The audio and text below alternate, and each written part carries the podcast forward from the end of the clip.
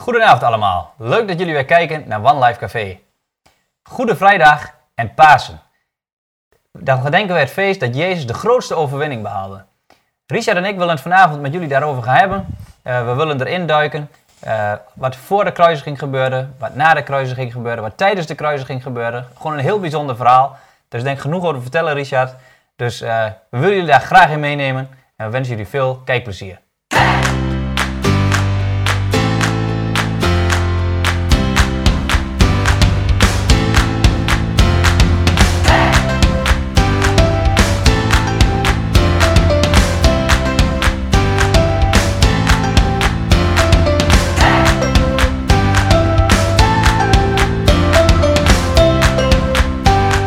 Richard, Goede Vrijdag en Paas.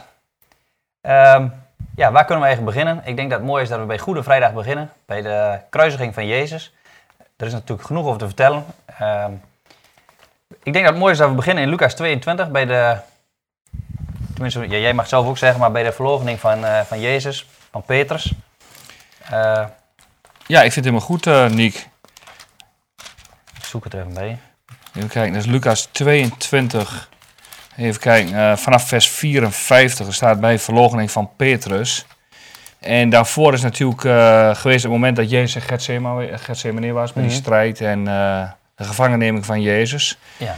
En die verloochening van Petrus, dat is inderdaad wel een, ja, wel een enorm ding, zeg maar. Ja, want de Goede Vrijdag, even voor de kijker ook, dat is dus echt de dag dat Jezus gekruisigd werd.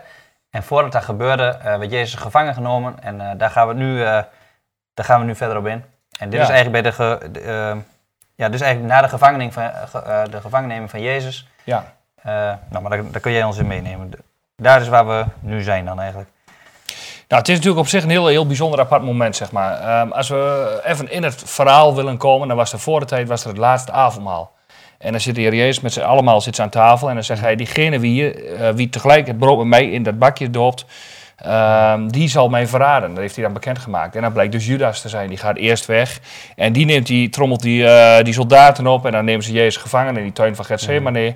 Maar met de avondmaal, ook voor de tijd, heeft de heer Jezus tegen uh, Petrus gezegd van, uh, dat hij hem drie keer zou verloochenen voordat de haan zou kraaien. Ja. En Petrus was natuurlijk echt iemand...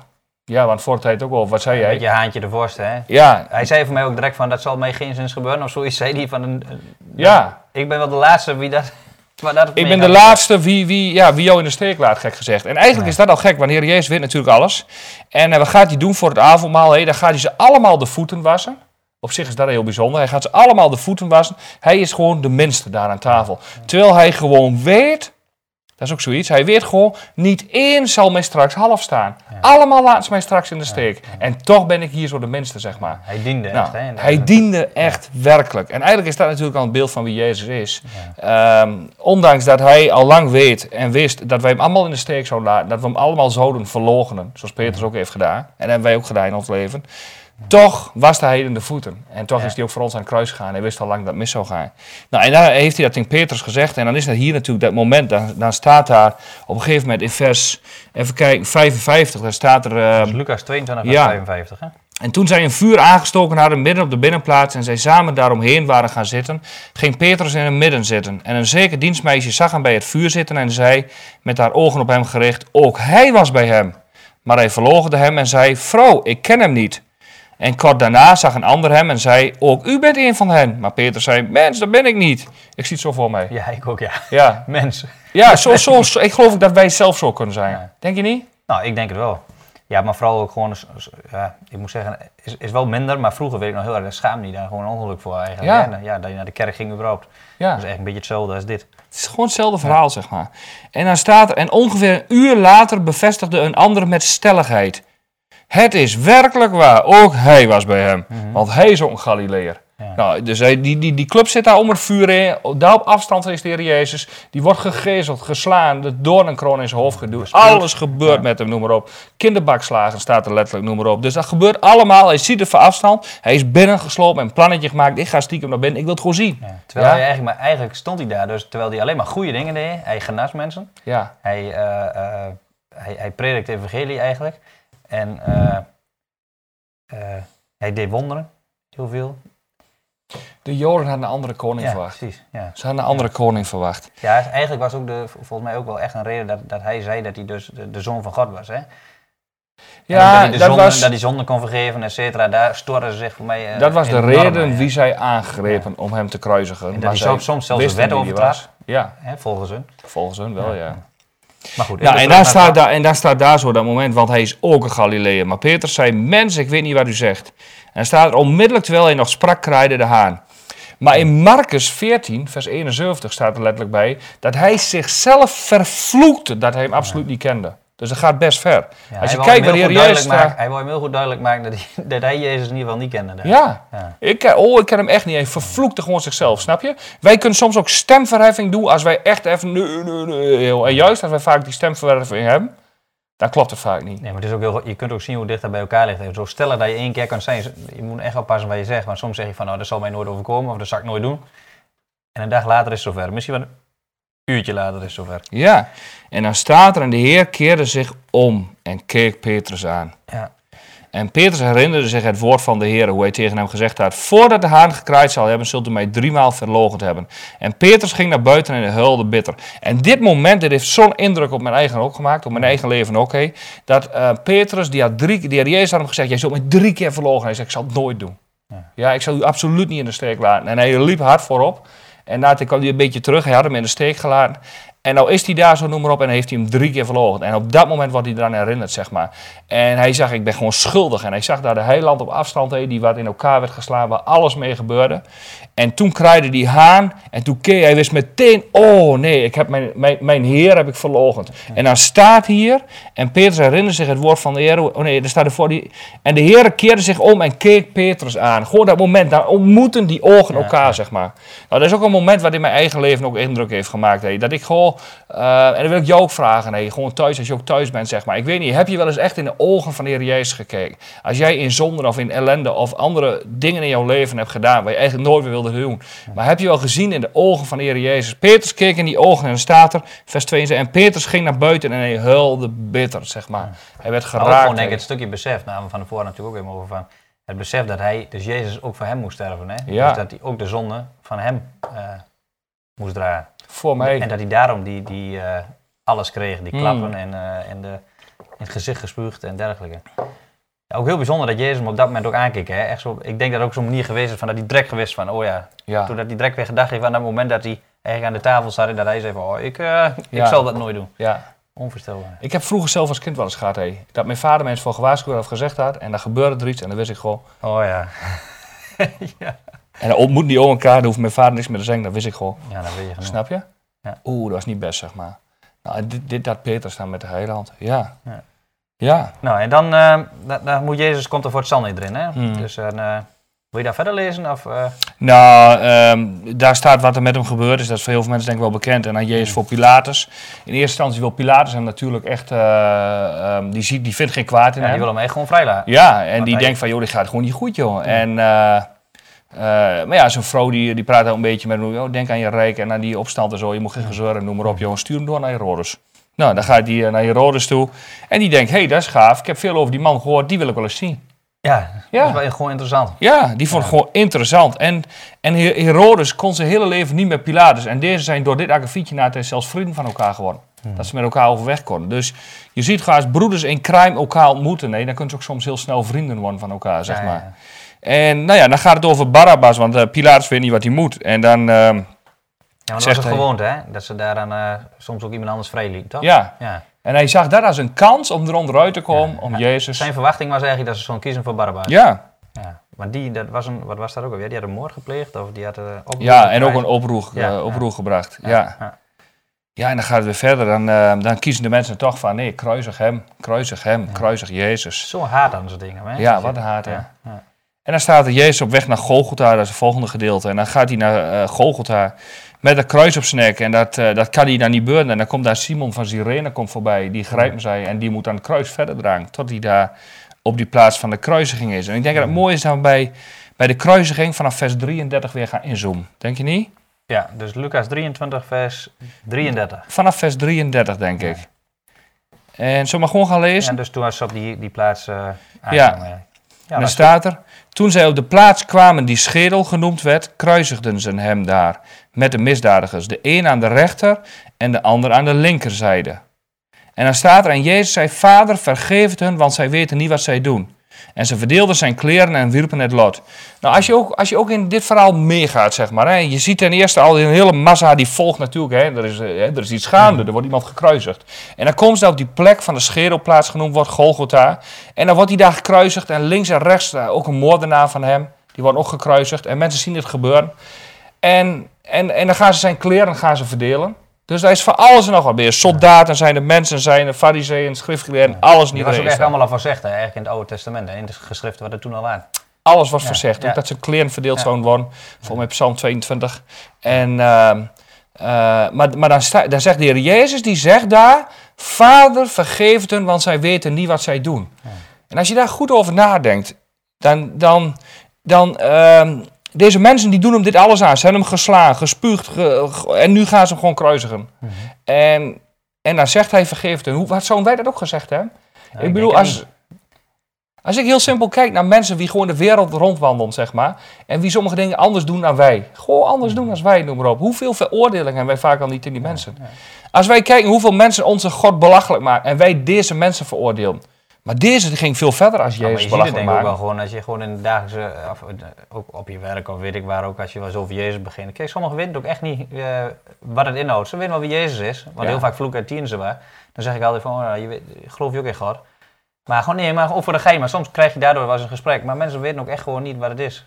Nee, We zijn zo ver dat sommigen gewoon echt niet meer, ook de Bijbel vooral helemaal niet kennen. nee. Weten bijna niet. Nou, en als je dan ziet, hé, zijn wij dan, dat is een vraag aan ons als christenen, een vraag bij mijzelf. Zijn we dan net als de Heer Jezus, dat we gewoon zijn, Vader, vergeef het hun, ze weten niet wat ze doen. En ze wisten het ook echt niet. Waar ze Nee. echt wisten waar ze mee bezig waren, hadden ze nooit de heiland gekruisigd. Bij ons is het gewoon heel vaak een oordeel. En bij hem was het eigenlijk nooit zo. Nee, En bij Jezus sowieso op aarde niet. nee joh, er was geen oordeel. Hij was, Alleen ten opzichte van de fariseeën eigenlijk en de schriftgeleerden. Want die wist, konden het weten. En dat zeiden ze ook. Dat zei hij ja, vaak. ja, Daar was hij wel echt radicaal tegen. Ja. Tenminste, dat viel mij gewoon op. Hè, Heel vaak bij- mensen die het niet weten, dat is die heel...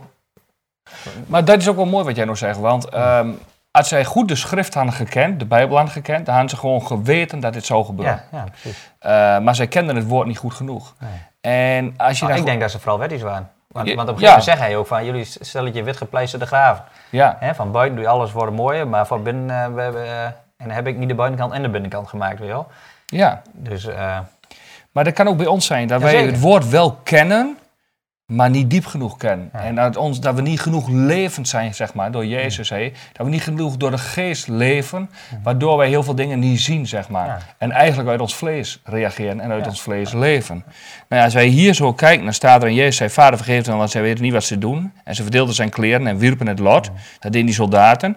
En het volk stond toe te kijken, hè, dus dat is wat er gebeurt. En met hem beschimpten ook hun leiders hem. Dus iedereen beschimpte hem. En zij zeiden, anderen heeft hij verlost. Laat hij nu zichzelf verlossen als hij de Christus is, de uitverkorene van God.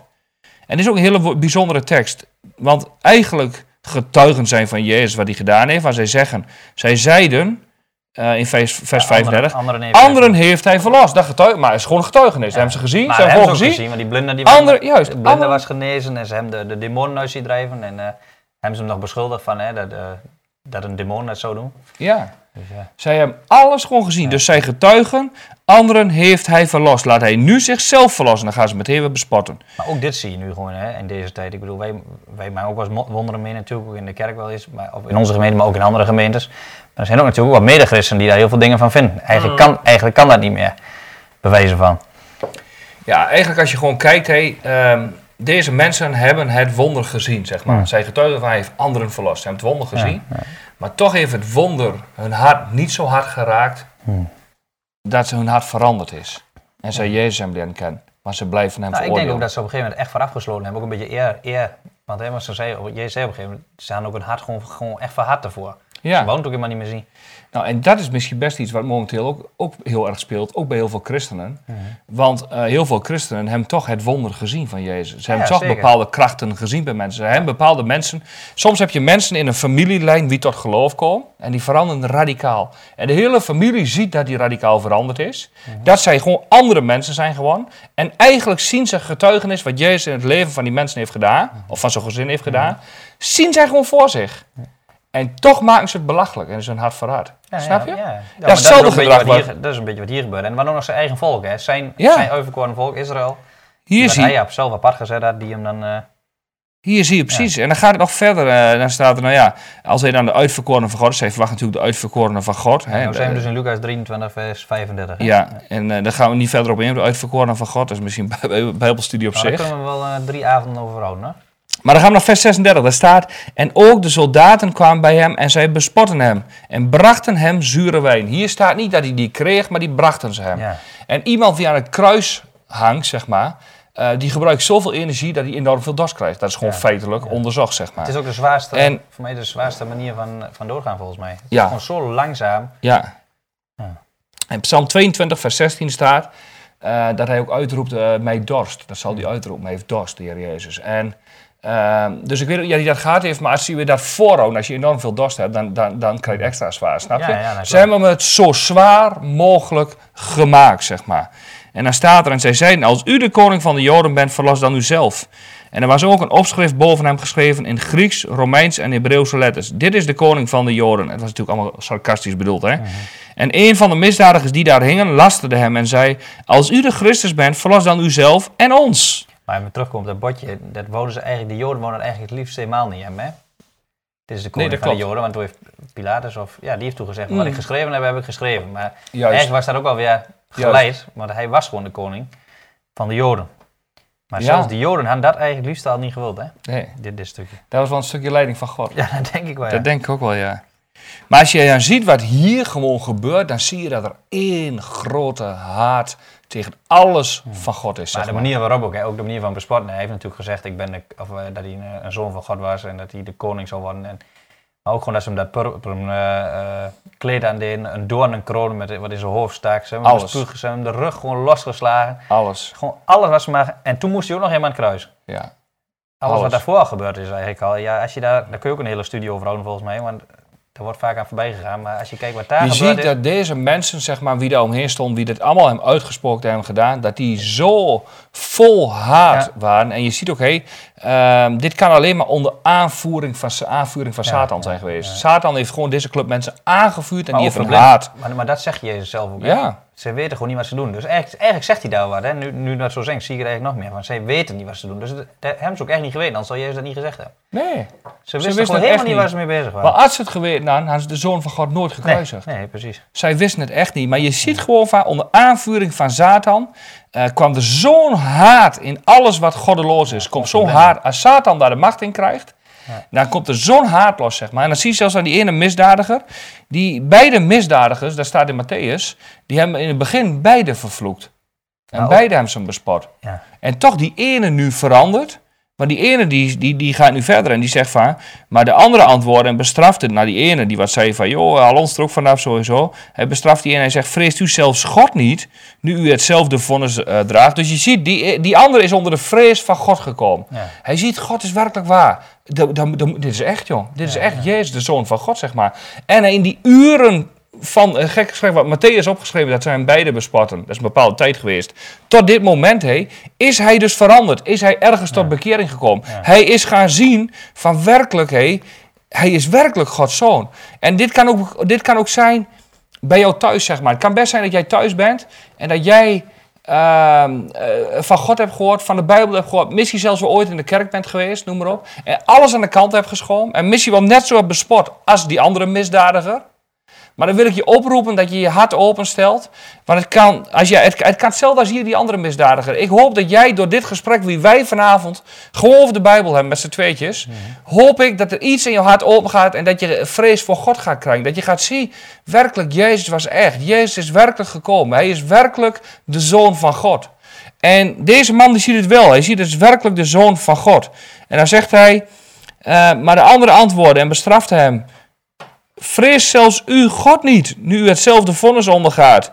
En wij toch rechtvaardig, want wij ontvangen straf overeenkomstig wat wij gedaan hebben. Maar deze heeft niets onbehoorlijks gedaan. Het kan ook weer als jij nou thuis op de bank bent, dat jij denkt, ja eigenlijk, eigenlijk hangt hij daar ook door mij. Want ik heb zonden, ik heb hem veroordeeld, ik heb hem belachelijk gemaakt, ik heb van alles en nog wat. Dan hoop ik echt dat je hart open is vanavond. En dat je niet jezelf veroordeelt, maar dat je denkt, ik moet zelf als die misdadiger doen. En ik moet God gaan vrezen. Ik moet mij tot God gaan wenden, tot Jezus gaan wenden. En dan staat er, en hij zei tegen Jezus, Heere, denk aan mij als u in uw koninkrijk gekomen bent. En dat kun jij vanavond ook doen. Jij kan vanavond gewoon uitspreken, Heer Jezus, denk aan mij. Ik heb mijn hele leven voor mezelf geleefd. Ik heb het verknald. Maar denk aan mij, net als die misdadiger. En dan zegt de Heer Jezus ook tegen jou, voorwaar ik zeg u, Heer, zult u met mij in het paradijs zijn. Maar dat, is zoiets moment, wonderlijks gebeurd. dat moment. Hij wist het eigenlijk zelf nog niet eens. Nee. Want eh, eh, hij, hij zegt van, gedenk aan mij. Zo van, nou, als, je daar, als u daar dan bent, denk dan nog helemaal aan mij. Ja. Aan mij. Want hij, hij denkt niet dat hij in dezelfde komt. Nee. Dat kun je heel duidelijk zien, maar, maar, maar Jezus zegt eigenlijk direct. En wat ik ook heel bijzonder vind, dat, dat Jezus ook gewoon, eh, we hebben het net ook besproken, en ook tussen die misdadigers, daar krijgt hij ook alles van. Maar dat hij altijd, hij had altijd zijn doel voor ogen. Hè? Hmm. Gewoon zijn doel voor ogen. Hij, hij, hij moest natuurlijk sterven, dat is een vraag wat ik straks nog heb. Maar ik vind dat gewoon zo, gewoon geen oordeel, helemaal niks, maar één ding van dit moet gewoon gebeuren. Hmm. Want hij had zichzelf gewoon van het kruis af kunnen halen. Als hij dat gewild had. Hij had hè, toen ze hem oppakte, viel ook iedereen achterover. Dus ik bedoel, als hij gewild had, had hij daar een groot spektakel gemaakt. Nou, kijk, weet je wat het is? Hè? Het kruis, God heeft de kruis in de wereld geplant. En hij heeft zijn zoon er aangehangen. Maar dan kan ik me misschien direct die vraag hem stellen. Hè? Maar was het kruis dan de enige weg? De kruis was de De enige, enige weg. weg tot de redding. En waarom? Er was maar één weg. Want ehm, ehm, Jezus, kijk, God is oneindig heilig. En God is een verterend vuur voor alles wat maar iets met zonde te doen heeft. En wij mensen zijn allemaal geboren als zondaar. Niemand wordt zondaar door die zonde doet, maar iedereen wordt geboren als zondaar. En daarom ben je geneigd om alleen maar zonde te doen. Zo is onze natuur. Nou, en daar zegt de Bijbel, we moeten opnieuw geboren worden naar het beeld van Jezus. Nou, de Heer Jezus is dus eigenlijk God en hij is heilig en hij woont in de hemel, maar hij wilde opnieuw een relatie met ons. Nou, hij kon alleen met een relatie met ons krijgen. Een goddelijk iets kan geen relatie met de mens krijgen. Nee. Dus hij moest zelf mens worden. En toen is hij mens geworden en toen moest de zonde van jou en mij betaald worden. Nou, ik dat vind ook wel heel mooi als je weer terugkijkt in de geslachtslijn. Ik weet niet wie dat ook alweer deed, of Lucas of Marcus. Die begint met die geslachtslijn van Adam. Nou, wij komen allemaal uit Adam natuurlijk. Mhm. Maar dat eindigt bij Jezus. Ja, Dus eigenlijk, hè, want hij zegt ook, ik ben de tweede Adam. En alles wat daarna komt, is eigenlijk ook, dan is eigenlijk die oude Adam is dood. En wij zijn nu, nu zijn we in een andere periode. ja, Snap je? Als je toch geloof komt, hè? als je tot geloof Ja. bent gekomen.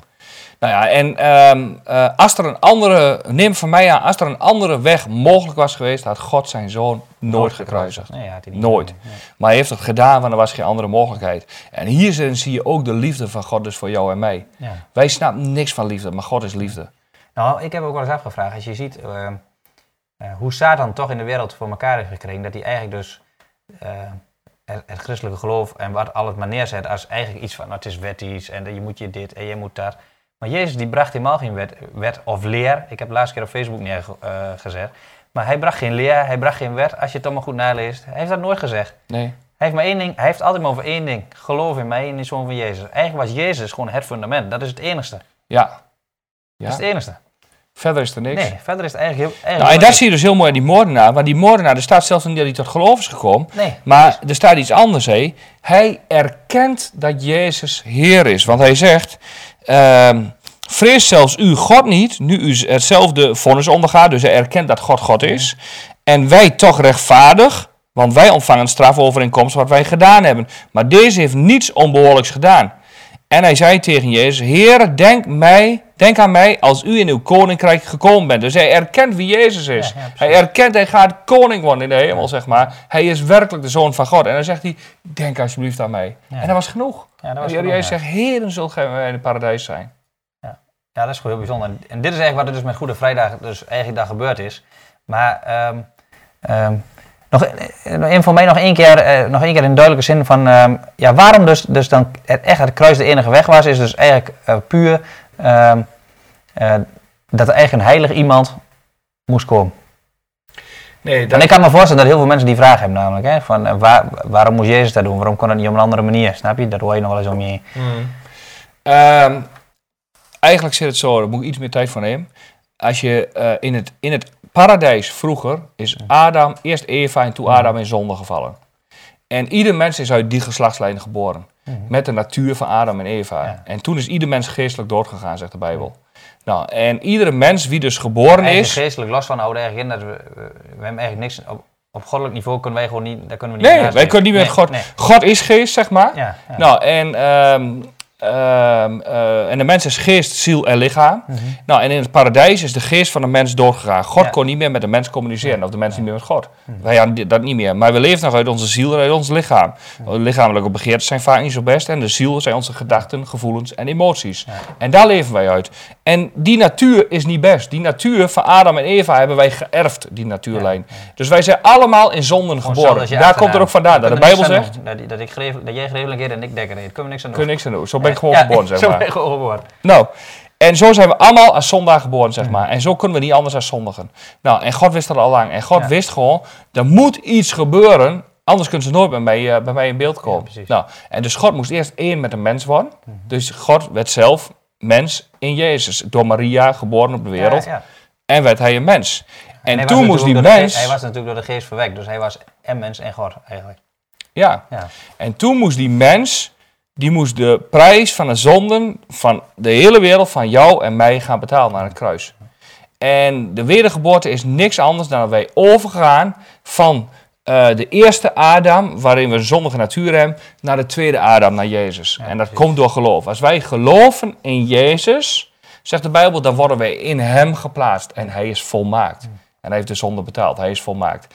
En eh, geloven wij niet in Hem, wanneer we niet in Hem geplaatst zijn, we niet volmaakt. dus wie in Jezus komt, die is gered, die is dat, volmaakt. Ook, ook dat punt vind ik zelfs bijzonder. Hè? Kijk, God, Jezus had kunnen zeggen, ga aan het kruis. En iedereen die wat komt, die is gewoon bouwen. Snap je? Nou, je kunt, maar dan heb je het weer over, en dan moet je niet te ver op ingaan, maar als je daar naar kijkt, is dat zelfs nog zo'n grote liefde. Dan vind ik tenminste, het is een van de mooiste geloven die er is. Want Jezus laat jou ook nog kiezen of je nou wel met hem mee wil gaan of niet met hem mee wil gaan. Snap je wat ik bedoel? Mhm. Kijk, als hij had ook kunnen zeggen van, nou, eh, ik ga het kruis en iedereen is, is behouden en iedereen gaat met me mee. Dat had hij, had hij kunnen doen. Maar gewoon dat hij ook nog weer die keuze bij ons neerlegt. Dus het is eigenlijk een heel vrijblijvend iets is het. Ja, Nee, niet, niet vrijblijvend om niet te doen, maar je kunt, je kunt gewoon kiezen om het niet te doen. je kunt tegen kiezen, zeg maar. ja, Ja. maar dat vind ik pas liefde eigenlijk. Of, of tegen kiezen. Als je niet kiest, heb je tegen Ja, gekozen. ja, nou precies. Maar, dat is het verhaal. maar dat gaat eigenlijk zo, ja, het is moeilijk om daar helemaal in te gaan, maar dat zag ik laatste keer gewoon voor mezelf, dat ik denk, hè, eh, het is ook niet, zelfs niet opdringerig. Het evangelie komt tot jou en hij laat de keuze bij jou. Hij, hij, hij dwingt jou niet om voor hem te kiezen. Ik denk dat je meer moet zien dat God gewoon, eh, zeg maar, een gentleman is. Ja, En gewoon zegt, wat wil jij? Hm. Mijn zoon heeft betaald. Ja. Alle dingen Ja. zijn gereed. Je kan nu geloven. Kom. Ja. En als jij komt, dan word je gered. Maar het is nog steeds niet waar het om gaat, zeg maar. De, wat echt om gaat, dat komt nu nog. Mhm. Dan staat er in eh, vers 44, en het was ongeveer, dit is allemaal nog voor de kruisiging, zeg maar, voor, de, voor het eh, overlijden. Vers 44 staat, en het was ongeveer het zesde uur, en er kwam duisternis over heel de aarde tot het negende uur toe. Dus het werd helemaal stikdonker op de aarde. zo apart. Ja, lees me door, maar En de zon werd verduisterd en het voorhangsel van de tempel scheurde midden door. En Jezus riep met luide stem en zei: Vader, in uw handen beveel ik mijn geest. En toen hij dat gezegd had, gaf hij de geest. En toen de hoofdman over honderd zag wat er gebeurd was, verheerlijkte hij God en zei: Werkelijk, deze mens was rechtvaardig. Eh, dit stukje zeg maar, daar staat er, en het was ongeveer het zesde uur en er kwam duisternis over heel de aarde tot het negende uur toe. Wat gebeurde hier nou precies? Hier werd Jezus werkelijk gestraft. Die, die, die gezels en die doornenkroon en al die dingen, bespotting en, en, en, en kinderbakslagen zoals de Bijbel zegt en eh gezeling, ik weet allemaal niet wat het noemen. Dat heeft pijn gedaan, maar er zijn meer mensen in de wereld geweest die dat hebben gehad. Ja? En, eh, maar hier gebeurde iets anders. Hier werd het duisternis, de duisternis kwam. Ja? De zonde van de En- ik. Geloof dat wat hier gebeurt, als je hier werkelijk over nadenkt, God die trok zich terug. Ja? Want Jezus noemt ook in de evangelie, mijn God, mijn God, waarom verlaat gij mij? Ja. Dus eh, God die trekt zich terug. En omdat God zich terugtrekt, wanneer het licht zich terugtrekt, dan heeft de duisternis de ruimte. Ja. En er komt meteen de duisternis. Hier zie je, hier komt de duisternis. Hier komen de machten en de krachten van de duisternis, die komen over Jezus heen. Ja, de Ja? zonde, eigenlijk de zonde En het van is de alle zonde mensen. van alle mensen. Ja? En wat gebeurde hier in dit duisterste uur, wat er maar is geweest, zeg maar. Toen legde God de zonden van jou en mij, en ons allemaal deze wereld, sloeg hij op zijn zoon aan het kruis daar. Niet alleen van jou God en mij, de Vader. van de, Van de hele wereld. De zonden van iedereen, ook van jou thuis, die zijn die dag geoordeeld op het leven, op, op, op Jezus zelf die aan de kruis hing. Op dat moment legde God jou en mij zonden op zijn zoon Jezus. En ik geloof echt dat het een moment is geweest. God, God die trok zich terug, maar God kon het denk ik niet meer aanzien. En ik kan me dat voorstellen. Ik kan me voorstellen, maar God was natuurlijk niet alleen God, God was ook de vader. Ja? Mhm. En als iets met mijn zoon zou gebeuren, zeg maar, iets vreselijks, dat kan ik niet aanzien. Dat, dat, dat, dat, dat kan ik gewoon niet, snap je? En ik geloof dat God, de vader, de vaderpersoon, het niet meer kon aanzien wat er werkelijk met zijn zoon gebeurde. En God trok zich terug en hij legde als God, niet als vader, maar als God de zonde van jou en mij, oordeelde hij op zijn zoon, de Heer Jezus. Maar zo lief, als je hier ook eigenlijk kijkt, dus hij had zijn zoon ontzettend lief, maar hij had ons ook heel veel lief. Dat zie je hier natuurlijk ook. Want hij, nou, hij had ons zo lief dat hij zonder dus dat hij zichzelf, zelfs zijn eigen Dit daarvoor lief. moest gebeuren, anders kon jij of ik nooit weer bij God terugkomen. precies, en daarom moest het gewoon gebeuren. In Jesaja 53 staat, hij verbrijzelde hem. Snap je dat? Ik bedoel, als je, wat, wat is verbrijzelen? Ik bedoel, ik heb ooit een spreker gehoord uit Amerika, die zei van, uh, het is alsof je een stuwmeer hebt van een kilometer hoog en, en, ik weet niet hoeveel kilometers in het vierkant. En je doet helemaal aan de onderkant een klein groot gat in de muur en je staat daarvoor. En dan komt ja. Daar komt het doorheen, zeg maar. Dat is wat voor zonde er op Jezus werd geslaan, zeg maar. Het is onvoorstelbaar, zeg maar. Ook voor Hij werd verbrijzeld. Maar dat moet dat geweest zijn. Dat je dus... Je hebt daar iemand aan het kruis geslagen waar jij van denkt van, nou dat is Jezus niet, dat is God niet. En dat wordt gewoon bijvoorbeeld, net zei je vandaag een dag heb je bent op 12 uur, of hoe laat was dit eigenlijk? Dat was voor mij in, uh, ja. daar staat er wel bij, hè, maar het was gewoon dag. En in één keer is drie uur duisternis. Ja? Dan word je toch bang, man? Nou, maar dat gebeurt ja, ook. dat gebeurt ook. De mensen werden ook bang. Maar ik bedoel gewoon, als we bij het moment... Dan moet, je echt... als we bij het moment blijven, zeg maar, wat daar gebeurde, zeg maar. God oordeelde daar de zonde van jou en mij hmm. op zijn zoon. En die dag is de zonde van jou en mijn leven al beoordeeld, veroordeeld en prijs betaald. in het verleden als in het Juist. Als ik morgen zonde doe, en dat is niet een vrijbrief om zonde te doen, maar dan weet ik, ze zijn toen die dag al betaald door Jezus. Ja? En Jezus is opgestaan, hij was zondevrij, hij is opgestaan in een nieuw leven in wie hij is, zeg maar. En hij is God, hij zit in de hemel aan de rechterhand van God de Vader. En als je daarover nadenkt, werkelijk over nadenkt, dan zegt de Bijbel, zegt, wie in hem gelooft, die wordt in Jezus geplaatst. En die zit met hem daar zo op die plek. Dat is heel, heel wonderlijk. Als jij vandaag je hart aan Jezus geeft, dan zegt de Bijbel, dan kom je uit die niet uit, dan ga je over van de oude geslachtslijn van Adam, van de eerste Adam en Eva, naar de geslachtslijn van de tweede Adam, van de Heer Jezus. En dan zal jij zuiver zijn. En ziet God jou aan, dan kijkt hij naar jou en dan ziet hij jou alsof hij zijn zoon Jezus zelf ziet. Dat is onvoorstelbaar. De daden van Jezus, die hij jou toe. Dat is, zo wonderlijk, zeg maar. Ik heb, als ik naar mijn leven kijk, kom ik hopeloos tekort. De Bijbel zegt, iedere ademhaling van een mens is genade van God. En dat is ook zo. Wij weten wie we zelf zijn. En toch kom ik straks in de hemel en dan zal God mij aankijken en mij behandelen alsof ik werkelijk zijn zoon Jezus ben. En het zo geleefd heb en zo gedaan heb. Dat is ongekend. God is zo goed. Maar, en er staat... Even terugkomen, hè? want je hebt natuurlijk, hier staan eigenlijk een paar hele mooie dingen. Maar toen was de zon verduisterd werd, um, dat was natuurlijk een heel bijzonder moment. Maar ik zit dan ook te denken bijvoorbeeld, hè, je, had, je had natuurlijk die, die, die twee uh, uh, moordenaars, of die misdadigers aan, aan het kruis. Maar hier heb je ook al heel snel, door het door donker werd, en dan sla ik nog even die tempel, dat de scheuren bewaren we hem voor straks. Maar dan zie je dus, in vers 47 zegt, toen de hoofdman over 100 zag wat er gebeurd was. Ja. Nou, ik geloof niet dat die man zag dat, uh, dat, dat, dat het de tempel scheurde, maar dat gewoon die donker, denk ik. Dat, die, dat het zo donker werd. Ja, maar er staat in andere evangelie ook, er ging graven open, er gebeurde ja, nee, van precies. Dat gebeurde gewoon, uh, dat gebeurde dus heel hard. Maar, meer dan 500 mensen kwamen uit de graven, staat in de Bijbel. En hij zag dat gewoon gebeuren, nee. En, als je daarbij staat, joh, dan denk je echt, wat hebben we gedaan? Ja, maar ook gewoon dat die hoofd, die van handen zag toen in dat hij God was. Ja. Maar zou hij ook bekeerd winnen op dat moment? Snap ik bedoel? Maar echt, als je terugleest in vers uh, uh, twee verder bijvoorbeeld, was bij die, moord, die andere niet hetzelfde. Die erkende het ook. Die kwam op eerst ja. was niet, later wel. Dan kunnen we dat nooit over oordelen, dat hoef ik niet. En dan gaan ik denk het wel, want hier, hier staat, toen de hoofdman over honderd zag wat er gebeurd was, verheerlijkt hij God en zei werkelijk, deze mens was rechtvaardig. Dus hij erkende God. En dan gaat verder, dan staat er, en al de menigten die samengekomen waren om dit te zien, dus die hele massa wie er was, mhm. dan staat, zagen wat er gebeurd was en ze keerden terug, ze gingen naar huis, terwijl ze zich op de bos sloegen. Dus ze zijn naar huis gegaan. Ze hebben het moment gezien, zelfs als die hoofdman. Ze hebben gedaan, oh, het was werkelijk de zoon van God. Wat hebben we gedaan? Wat hebben we gedaan? Ze zijn naar huis gegaan, ze hebben ze op de bos geslagen. Oh, wat hebben we toch gedaan? Wat hebben we toch gedaan? Snap je? Ja, ja. Zo'n moment is dat geweest, zeg maar. En, en, en, en dit is ook weer een moment, misschien ook voor jou thuis, zeg maar. Als jij Jezus niet kent, kan het zijn dat jij op dit moment ziet oh, wat heeft God gedaan? God heeft werkelijk de zonde van mijn leven op zijn zoon gelegd. Hij heeft het geoordeeld. De prijs is, is klaar. Het voorhangsel is gescheurd, hebben we gelezen. Dat wil zeggen, de weg naar God is open. Je Ah, kan zo naar God toe komen. Maar vooral als je kijkt ook, hè, dit- waren misdadigers, maar dit was ook een hoofdman. Die had echt wel een taakje daar, daar hoef je niet echt aan. Ja. Dus dit was een man die net eigenlijk de Jezus aan het kruis had gesla- geslaan. Hè? Ja. Maar ik, ik, ik bedoel gewoon het punt van, jij, jij kan thuis zijn, dat je denkt, joh, ook door mijn zonde is dit gebeurd. Dat nu je ogen open zijn, dat je vrees voor God krijgt, wat God gedaan. Als jij, de Bijbel zegt niet voor niks, hè. Als jij ehm, gaat zien wie Jezus is, en je hebt hem niet aanvaard, hè. Die dag dat wij hier de ogen dicht doen en God gaan ontmoeten, zegt de Bijbel. Dan staan we in één klap dus voor de schepper van hemel en aarde. En die zal vragen, heb jij je bloed waarmee mijn zoon de prijs van jouw leven betaald heeft op waarde geschat? En dan kun je je voorstellen, God die trok zich terug, maar hij kon het niet meer aanzien, God de Vader.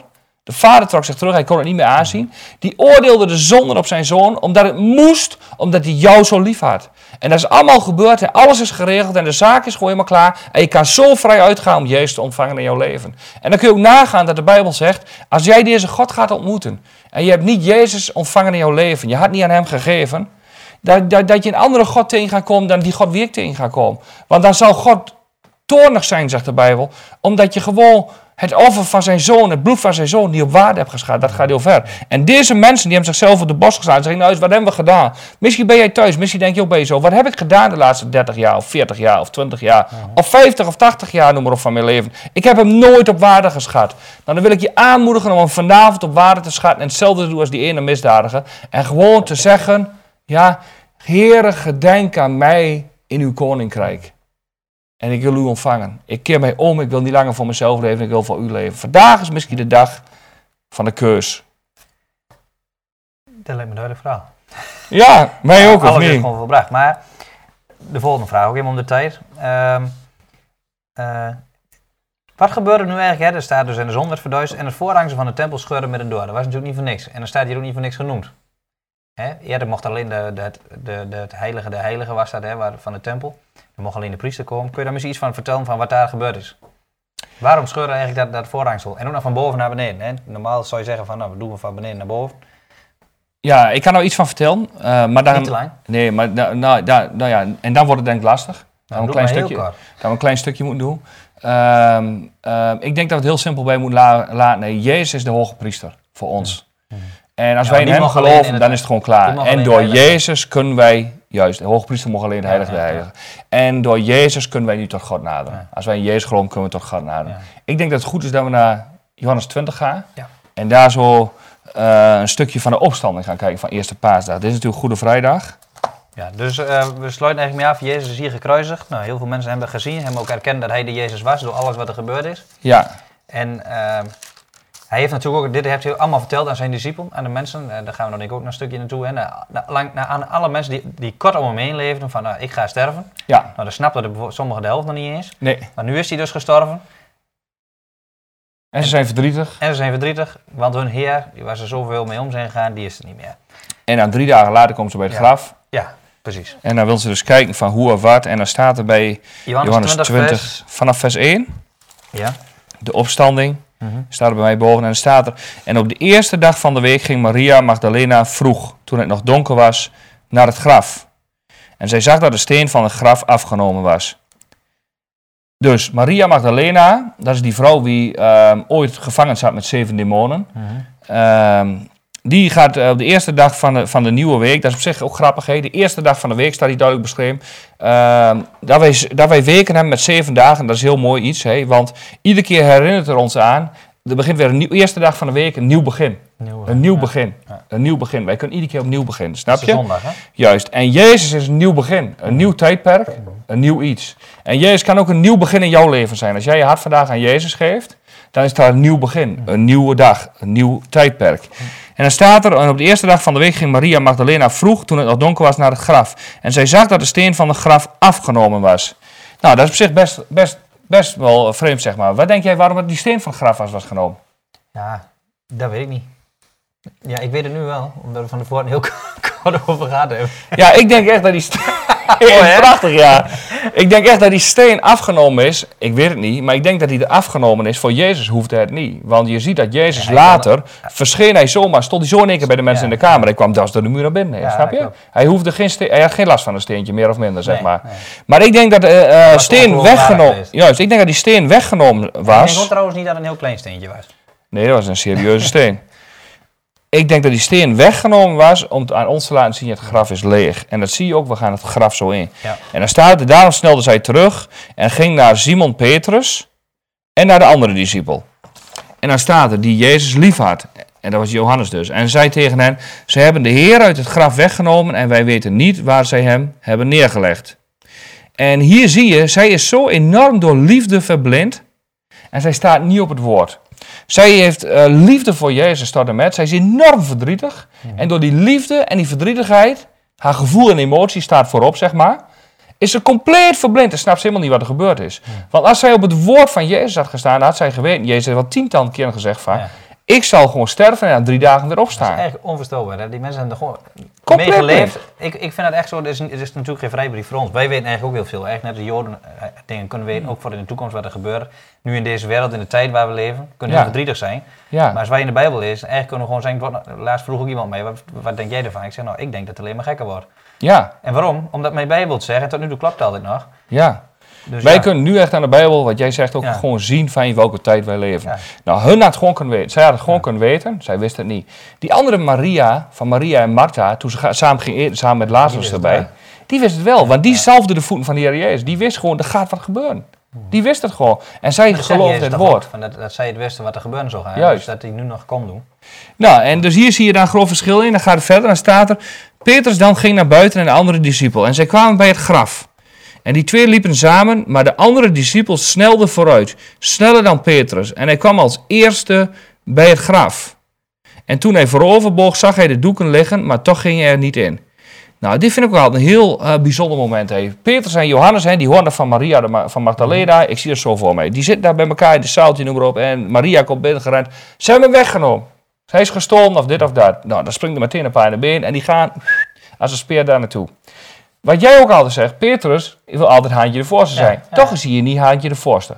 Nee, Johannes is sneller. Dan- hier was hij een keer voorzichtig. nou, misschien was Johannes sneller als hem. Maar ik heb ook al gedacht, het kan ook gewoon zijn dat Johannes, eh, of Petrus, gewoon dacht, ja, oeh, wacht even, ik heb de Heer drie keer verlogen. Laat hem maar eerst gaan. Ja. Snap je? ik kan me dat heel goed voorstellen, zeg maar. Dat zou ook in ons leven zo kunnen zijn. Nou ja, hè? dat is een aanname. Dat is een aanname. Dat zeg ik, dat zou goed kunnen. Maar als je erover nadenkt, het is mooi om over na te denken. Ja, zeker. En dan staat, toen hij vooroverboog, zag hij de doeken liggen, maar toch ging hij er niet in. En dan komt Simon Petrus, haantje de voorste. Dan kwam en volgde hem. En ging het graf wel binnen. En hij zag de doeken liggen. En de zweerdoek die op zijn eh, voorhoofd geweest was, zag hij niet bij de doeken liggen, maar afzonderlijk opgerold en dat lag op een andere plaats. Dus hij komt daar het graf binnen. Mhm. Hij ziet daar die doeken liggen. En hij kijkt daar rond heen en ehm, hij ziet van, hé, hey, de zweerdoek die is netjes opgerold, die ligt op een andere plaats. De, hij ziet gewoon eigenlijk, er is één orde en rust hier in dit graf. Hier is niet iemand gehaast geweest. Nee. Iemand is opgestaan, dat is Jezus. Die heeft netjes de zweerdoek gepakt, netjes opgevouwen, netjes opgeruimd. Die heeft hij aan de zijkant gelegd, daar, daar in de hoek zeg maar. Ik zeg maar iets. Daar is orde en rust geweest. Ja, ja. En wat ik een heel mooi beeld vind van die zweerdoek, dat die opgevouwen is en aan de kant is gelegd, daar vind ik een heel mooi beeld van, dat eigenlijk aangeeft van het is volbracht. Hij hoeft niet meer in het zweer te komen voor wat er nog moet gebeuren. Dat is allemaal gebeurd. Die zweerdoek heeft hij niet meer nodig. Hij is zelfs bloed gezweet, hè? ook. Ja. Die zweerdoek heeft hij niet meer nodig. En Maar wat ik ook bij bijzonder nog verder leest, hè, en, en daar staat, en toen ging ook de andere discipel die het eerst bij het graf gekomen was naar binnen en hij zag het en, het en geloofde, dus hij geloofde dus.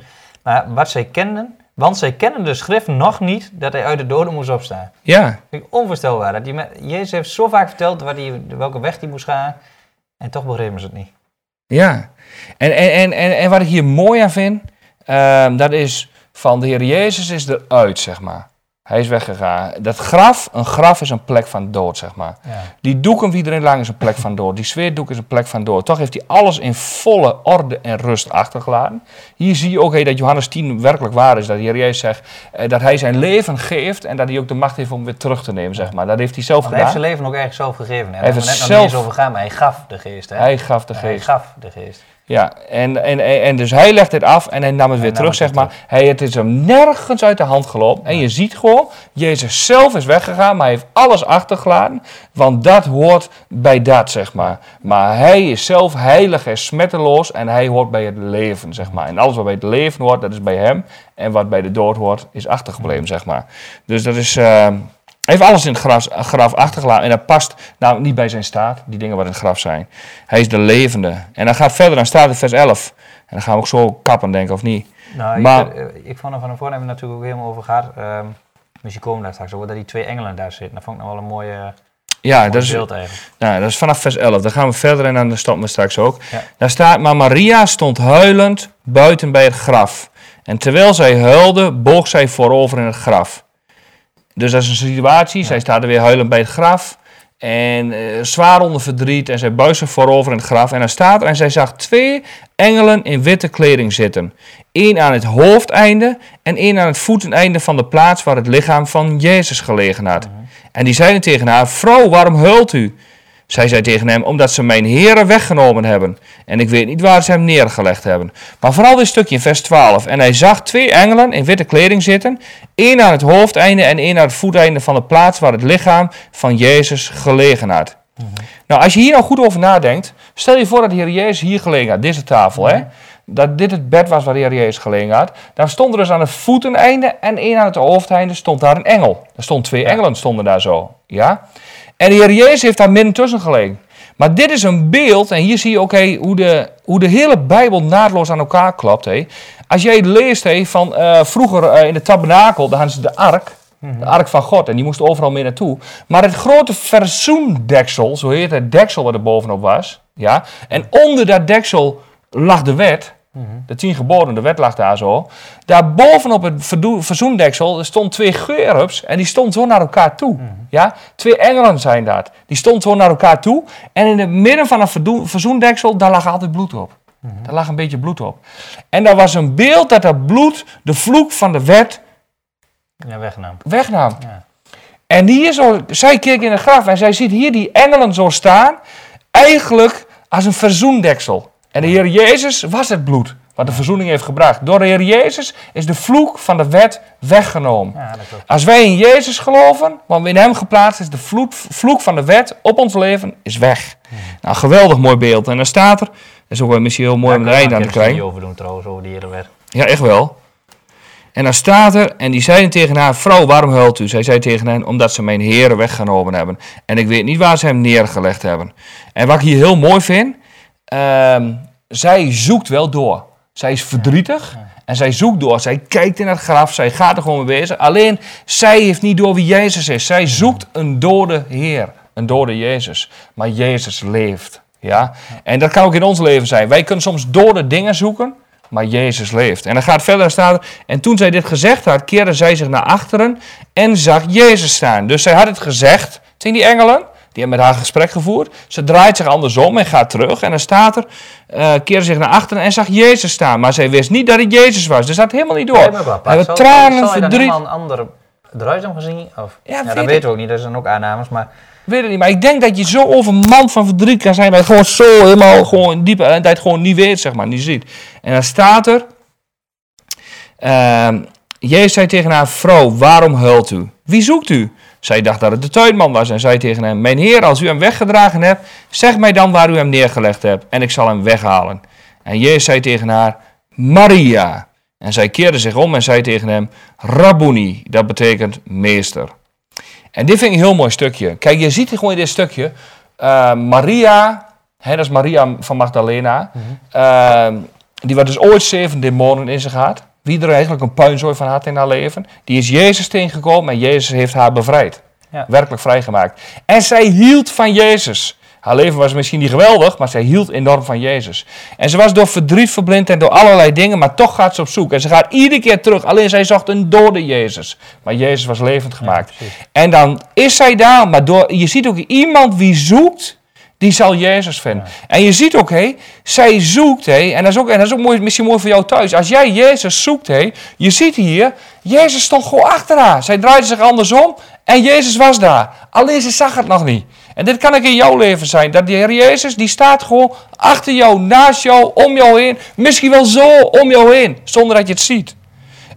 En dan is het gewoon, dan komt het erop aan. Zij ziet het niet. En dan zegt Jezus, die roept haar naam. Die zegt Maria. En meteen weet ze wie het is. En daar staat ook in de Bijbel staat ook heel duidelijk, noem maar op. Hey, Jezus kent zijn schapen bij naam. Ja? En zijn, zijn schapen zullen hem ook kennen. Zullen de stem van de Heer ook kennen, zeg maar. Nou, ik wil je vandaag aanmoedigen. Ik wil je erop wijzen. De Heer Jezus staat achter jou en staat om jou heen. En staat met zijn armen wijd. En Misschien ben jij die Maria, die ooit een puinzooi in zijn leven had. Misschien heb je vandaag nog steeds een grote puinzooi. De Heer Jezus wil je vandaag vrijmaken, snap je? En dit was weer iemand, wij denken vaak dat je goed moet zijn of perfect moet zijn. Maar dit was iemand die verre van het perfecte leven had geleid. Maar zij had wel liefde voor Jezus. Haar verdriet was er omdat ze hield van Jezus. En ik wil jou de vraag stellen. Ik wil je niet vragen, geloof je? Doe je het goed? Doe je dit of dat? Maar is er iets in jouw leven of iets in jouw hart, zeg maar dat je eigenlijk voelt, ja, ik heb liefde voor deze Jezus. Ik wil deze Jezus leren kennen. Ik wil Hem ontmoeten. Ik wil niet meer dit leven wat ik nu leef. Ik wil nieuw leven. Ik wil verandering. Ik wil het leven met Jezus waar we vandaag over hebben gehad. Niet kent dat leven. Ik ken dat leven. En niet omdat het niet goed is of omdat ik goed is. Maar omdat Jezus goed is. Hebben we ons hart aan hem gegeven. Dan wil ik je vandaag aanmoedigen. Hij staat naast jou. Of hij staat voor jou. Hij houdt zijn armen wijd op. Dat is 100% waar. Want dat is wat de Bijbel zegt. Hij is overal. Hij is bij jou. En hij wil dat jij vandaag tot hem keert. Als jij iets liefde in je hart voor Jezus voelt. Ga dan vanavond niet slapen. Maar zeg gewoon. Jezus. Ik voel liefde in mijn hart voor u. Ik wil dit leven niet langer. Kom in mijn leven en herstel mijn leven. En dan zal hij in jouw leven komen, God is goed. Dus denk de paasboodschap of niet? Ik denk dat we Goede Vrijdag en Paasdag goed besproken. En wat ik dan persoonlijk heel mooi vind om mee af te sluiten, dan staat er iets verder in Johannes uh, 20. Dan staat er ook van uh, in vers 30 en 31. Dan staat Jezus nu heeft in aanwezigheid van zijn discipelen. Nou, we hebben net al heel veel uh, dingen besproken, maar vele andere tekenen gedaan. Want hè, dat was heel bijzonder natuurlijk wat er aan het kruis gebeurde. Alles, er was natuurlijk wel de zon en zo, maar ook in het leven wat hij hier op aarde heeft gedaan. Die niet beschreven zijn in het boek. Dus er zijn nog veel meer dingen gebeurd die wij niet eens weten. Maar deze zijn beschreven opdat u, dus ik denk ook degene die wat nou kijken, hè, ja, jullie thuis, omdat u gelooft dat Jezus de Christus is, de Zoon van God, en opdat u door te geloven het leven zult hebben in zijn naam. Ik denk dat het hele evangelie is, het hele boek, dat is gewoon voor ons geschreven. Amen. En er zijn zelfs nog dingen weggelaten. Ik denk dat dan, dan zullen we eenmaal wat denken aan het sprookjesboek. Hmm. Amen. Amen. Ja, mooi hoor. Mooi. Dankjewel Niek. Hij is gekomen, inderdaad, niet voor het beste, maar het beste uit de hemel is gekomen voor het slechtste hier op aarde.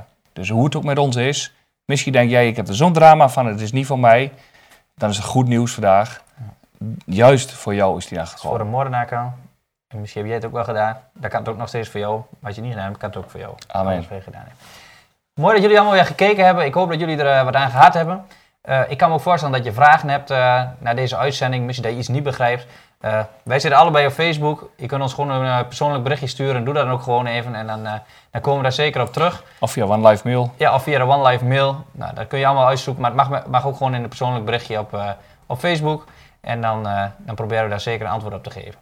Uh, ik wens jullie voor nu allemaal een uh, fijne dag, fijne avond, fijne nacht. Ik weet niet wanneer je dit kijkt, maar uh, tot ziens. En als, het, het, moet nog Goede Vrijdag worden en paas. En dan wens ik jullie een hele goede Goede Vrijdag en een hele fijne paasdag. Tot ziens.